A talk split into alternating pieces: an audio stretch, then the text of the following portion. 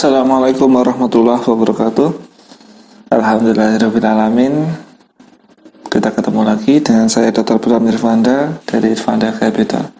Kali ini kita akan membahas salah satu emiten yang paling terkenal dan paling menjadi favorit yaitu Indofood CBP dengan kode sahamnya ICBP jadi ini adalah salah satu emiten consumer good merupakan bagian dari grup Indofood. Terus dimiliki oleh grup Salim Salim Group. Jadi kita mulai aja. Jadi Indofood CBP ini kepanjangan dari PT Indofood Consumer Branded Product. Jadi eh, ICBP ini adalah anak perusahaannya Indofood yang khusus berjualan produk-produk untuk consumer good. Dari ada kelompok mie instan jadi mereknya itu Indomie, Supermie, Sarimi, Sakura, Popmie terus kemudian produk susu mereknya antara lain Indomie, Enak dan Tiga Sapi terus kemudian snack snack ada Citato, Lays, Kitela, Doritos, Trans, Ciki, Citos, Jet Set. Terus ada makanan yaitu Fresh dan Buburia. Ada special food Promina Sun, Covid, Gowel, minuman, Ichi Ocha, Club, Pepsi dan Frutamin. Jadi ICBP ini bisnisnya consumer good, khusus consumer good. Untuk memegang saham pengendalinya yaitu PT Indofood sebesar 80,53 persen. PT Indofood sendiri itu 50,07 persennya dimiliki oleh First Pacific. First Pacific ini dimiliki oleh Anthony Salim. Nah, di publik itu menguasai 19,47 persen. Terus dari sejarahnya, jadi tahun 1982 Indofood mulai produksi mie, terus kemudian tahun 85 bekerja sama sama Frito-Lay. Frito-Lay ini anak usahanya Pepsi, sehingga ada Lays, Citato, Citos, gitu. Terus kemudian tahun 1991 bikin food seasoning business jadi bumbu bumbu penyedap makanan. Terus tahun 2005 bikin lini bisnis biskuit. Kemudian tahun 2013 bisnis mulai masuk bisnis minuman. Jadi bottler Pepsi di Indonesia terus klub. 2014 akuisisi klub dan akuisisi Milkwat ICBP ini di di IPO kan tahun 2010 jadi IPO nya di 2010 dan mulai itunya di 1982 nah sekarang kita lihat dari sisi bisnis. Dari di Indonesia itu fast moving consumer good di 2018 hanya tumbuh satu persen jadi tingkat pertumbuhannya tidak besar karena adanya trade war dan lain-lain. Terus di 2018 juga ada kenaikan dolar. Jadi pertumbuhan F fast moving consumer good hanya satu persen. Kemudian di 2018 PCBP mencatatkan peningkatan penjualan sebesar 7,9 persen dengan peningkatan core profit sebesar 5,6 persen. Terus di tahun 2018 melaunch 65 produk baru jadi banyak ya. Terus pertumbuhan penjualan ekspor sebesar double digit di belasan persen Terus untuk omset ekspor sendiri sebesar 271 juta dolar atau 10% dari omset. Kemudian omset di 2018 untuk divisi mie itu sebesar 64,4 persen. Jadi penyumbang terbesar omset ICBP adalah mie yang sebesar 64,4 persen. Kemudian susu sebesar 19,6 persen nomor 2 susu nomor 2 kemudian snack sebesar 6,6 persen. Kemudian minuman sebesar 4,8 persen. Terus penyedap makanan sebesar 2,5 persen nutrisi dan special food sebesar 2,2 persen. Jadi yang dari yang terbesar mie dua susu ketiga snack. Tapi kalau kita lihat dari pertumbuhannya maka mie yang tumbuh itu mie tumbuh dari 23,11 triliun jadi 25,2 triliun. Kemudian yang kedua adalah minuman yang tumbuh dari 1,72 triliun jadi 1,83 triliun kemudian nutrisi tumbuh dari 718 miliar jadi 837 miliar kemudian bumbu masakan dari 1,3 triliun menjadi 1,47 triliun.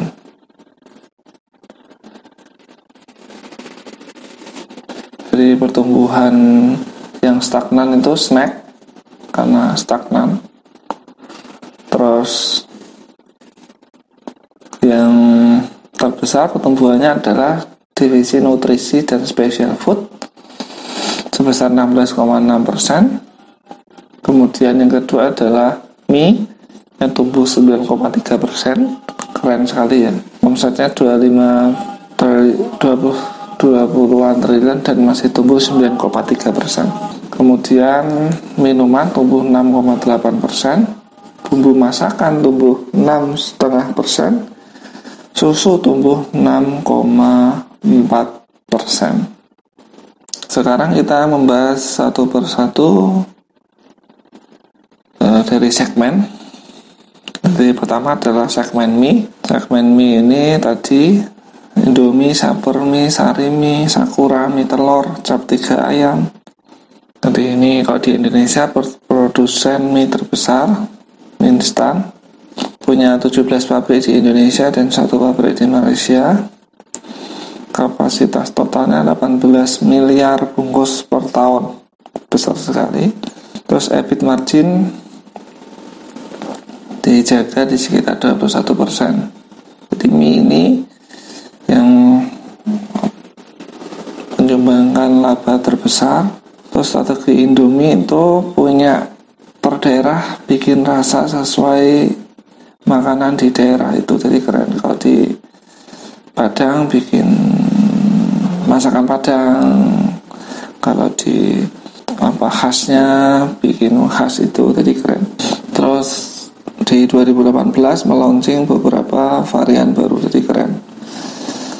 Terus segmen susu mereknya ada Indomie ada Indo es krim yang es krim terus ada cap enak terus ada tiga sapi ada milk kuat terus orchid butter.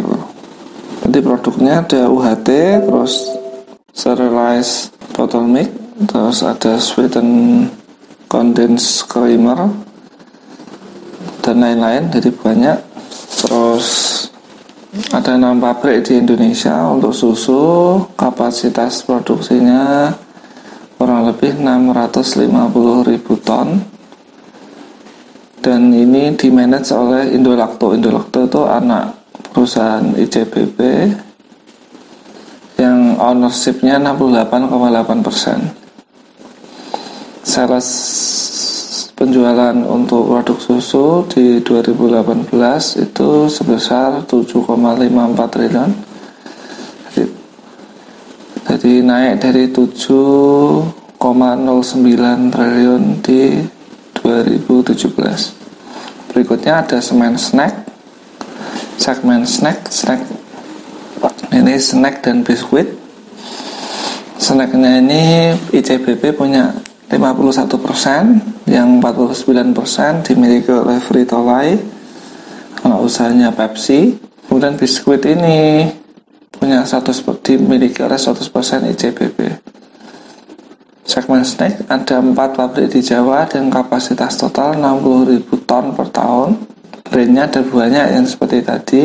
ICBP menjadi leader di potato chips dan di snack tradisional yaitu Kitela. Kitato dan Kitela nomor satu di kategorinya. Kemudian untuk band biskuitnya ada Wonderland, Dueto, Kanasta, Trends, dan Inti Gandum. Tapi dari segmen snack ini emit EBIT margin atau operating profitnya negatif karena sebabnya adalah divisi biskuit jadi EBIT marginnya negatif 1,9% berarti menyumbang kerugian. Kemudian dari 2017 juga rugi minus EBIT EBIT marginnya minus 1,9% di 2018 itu EBIT marginnya minus 7,7 persen. Jadi makin besar kerugiannya Kemudian segmen food seasoning atau bumbu masakan ada merek Indofood, Indofood Racik, Phrase, dan Buburia. Ada tiga pabrik di Jawa, kapasitasnya 150 ribu ton, jadi besar. Terus, jadi segmen food seasoning atau bumbu masakan ini lewat Nichi namanya, perusahaan namanya Nichi Dulu 50% ICBP, 50% Nestle, sekarang sudah diakuisisi di November 2018.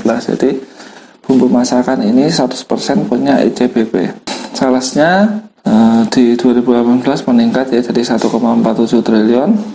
Tumbuh karena saus lombok dan bumbu racik. EBIT marginnya meningkat jadi 8,9% dari 7,7% di 2017. Kemudian segmen nutrisi dan special food ada Promina, Covid, Gowel, Sun. Jadi ini Promina dan Sun tentu saja makanan bayi, Covid, Gowel, ada produk serealnya, ada sup mie, ada biskuit, puding, rice puff, cereal snack. Yang segmen nutrisi ini ada satu pabrik kapasitasnya 25.000 ton. Terus omsetnya di 2018 na naik jadi 837 miliar, EBIT marginnya turun jadi 3,7 persen di 2018 dari 4,7 persen di 2017 Gowel cereal powder drink nomor 2 di segmennya. Jadi Gowel ini yang bagus. Kemudian segmen minuman ada Club, EC Ocha dan Frutamin. Ini dikelola oleh PT Anugerah Indofood Barokah Makmur yang ICBP punya 99 persennya. Terus ada 19 pabrik kapasitasnya 3 miliar liter per tahun. Omsetnya meningkat 6,8 persen jadi 1,8 triliun. Pertumbuhan omset ini disumbang oleh klub dan minuman ready to drink. EBIT marginnya di 2018 sebesar 16,3 persen. Terus tahun 2018 mengakuisisi Asahi Group Holding Asia Tenggara. Kemudian segmen terakhir adalah segmen packaging. Dari unit usahanya ada kemasan fleksibel, ada karton, jadi di segmen packaging ini masalahnya adalah demand untuk FMGC-nya menurun, harga bahan bakunya naik. Jadi dari itu segmen-segmennya kemudian kita lihat dari laba usahanya atau EBIT-nya. Jadi omset dan laba usaha jadi yang mencatatkan rugi usaha itu ada segmen snack dan segmen minuman. Segmen snack itu rugi 198 miliar segmen minuman ruginya 299 miliar. Terus omsetnya kita bahas omset dan laba usaha EBIT aja atau laba usaha. Omset neto di 2018 segmen mie 25,2 triliun. Menyumbangkan laba usaha sebesar 5,3 triliun dari sekitar 20 persennya operating profit margin. Kemudian di segmen susu omset netonya 7,5 7,5 triliun dengan laba usaha 793 miliar. Jadi EBIT marginnya sekitar 10% kemudian segmen snack omsetnya 2,5 triliun. Laba usahanya yang mengalami menyumbang kerugian 198 miliar. Jadi segmen snack menyumbangkan kerugian. Kemudian bumbu segmen bumbu masakan atau food seasoning itu omset di 2018 sebesar 1,46 triliun. Laba usahanya 129 miliar jadi sekitar 9% terus berikutnya segmen nutrisi omsetnya sebesar 837 miliar dengan EBIT marginnya sekitar 3 sampai 4 persen. Jadi nutrisi ini EBIT marginnya kecil. Terus kemudian segmen berikutnya ada segmen minuman dengan omset netonya 1,8 triliun dan menyumbangkan rugi usaha sebesar 299 miliar.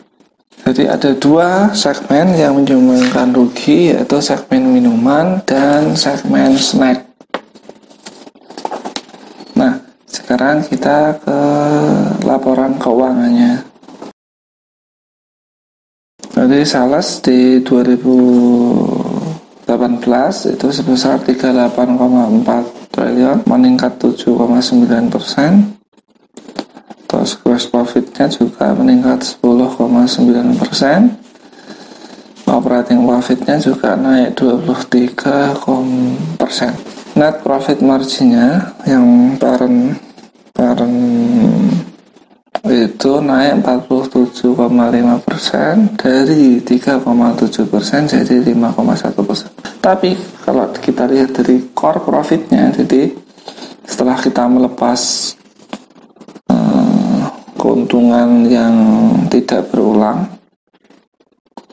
maka laba bersihnya itu tumbuh 5,6 persen dari 3,99 triliun jadi 4,22 triliun jadi yang net profit komprehensif itu ada biaya biaya. Ada laba-laba yang tidak berulang. Berikutnya itu gross profit marginnya di angka 31,9% di 2018 dan itu adalah rata-rata mulai dari sekitar 30 dan 31 persen sejak tahun 2015 kemudian operating profitnya kalau kita lihat di di, catatannya maka operating profitnya selalu naik ya walaupun naik sedikit-sedikit dari 12,6% jadi 16,8% persen. Kemudian net profit marginnya juga naik dari 8,8% di 2014 jadi 11,9% di 2018. Jadi net profit marginnya dari 8,8 jadi 11,9. Jadi tumbuh terus net profit marginnya. Operating profit marginnya juga tumbuh terus dari 2014 terus gross profit marginnya juga tumbuh dari 2014 ROE nya di angka 21,7 persen di 2018 ROA nya return on assetnya 14,1 dan rata-rata sekitar double digit yang sekitar 20 persen. ROE nya ROA nya sekitar double digit.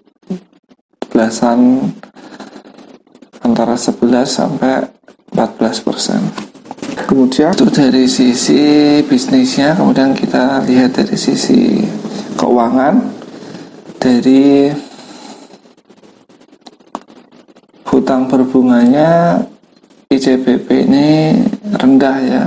Kalau dibandingkan dengan ekuitasnya jadi hanya hutang berbunga di 2018 hanya 2,2 triliun sedangkan ekuitasnya 22,7 triliun di 2018 jadi sekitar 10% hutang berbunga dibanding ekuitasnya. Kemudian utang berbunga 2,2 persen itu karena rasionya di angka 1,95 jadi dari sisi likuiditas bagus. Terus dari debt equity rasionya di angka 0,51 yang bagus jadi solvabilitasnya bagus. Apalagi kalau kita lihat di gearing rasionya yang hanya di angka 0,1 dan 0,11 jadi gearing rasionya 0,1 net gearing rasionya 0,11 jadi bagus banget. Dan bila kita lihat cashnya jumlah cashnya maka ICBP ini bisa dibilang net cash company karena cashnya lebih besar daripada utang berbunganya. Terus operating cash flow-nya di 2018 sebesar 4,65 triliun. Yang bagus walaupun sedikit menurun dari 2017 yang sebesar 5,17 triliun gitu. dari flow-nya bagus likuiditasnya bagus dan solvabilitasnya juga bagus. Nah sekarang kita ke manajemen. Jadi manajemen ini dari kita lihat dari sisi bisnis, dari sisi bisnis walaupun sudah sebesar ini masih tumbuh dengan baik. Walaupun ada segmen yang masih menyumbang kerugian yaitu segmen minuman dan segmen snack. Tapi bila kita lihat dari keseluruhan bagus ya. Jadi contohnya mie masih bisa tumbuh 9% terus jadi dari sisi bisnis manajemen ICBP bagus. Terus dari keluarga Salim ini bukan tipe yang suka goreng-goreng. Jadi terus dari tata kelolaan juga bagus.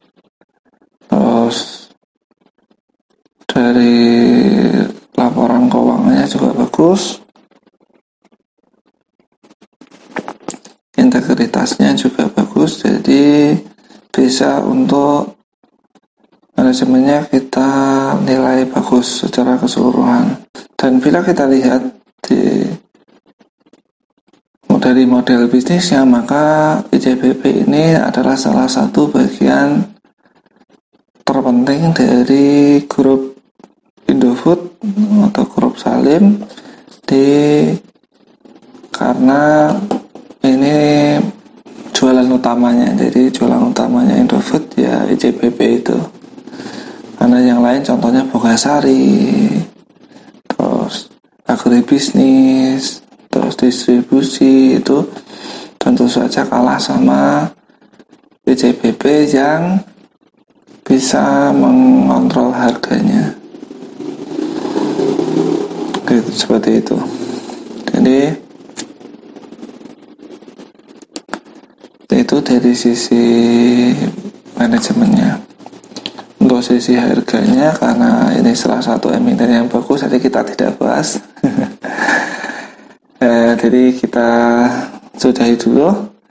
Kita sampai pada kesimpulan yaitu kita ngasih rating dari bisnis Indofood consumer product brand. Consumer branded product kita kasih nilai A terus dari sisi keuangan juga kita kasih nilai A. Terus dari sisi manajemen juga kasih nilai A. Jadi ICBP ini punya rating 3A jadi keren. Bila ada pertanyaan terkait ICBP silahkan tulis di kolom komentar. Terus bila ada usulan tentang emiten yang ingin kita bahas silahkan menulis di kolom komentar juga. Bila Anda ingin lebih suka membaca analisis berupa tulisan, silakan kunjungi website kami irfanda.id. Terima kasih atas perhatiannya. Semoga kita bisa berjumpa di analisa-analisa emiten Bursa Efek Indonesia berikutnya. Assalamualaikum warahmatullahi wabarakatuh.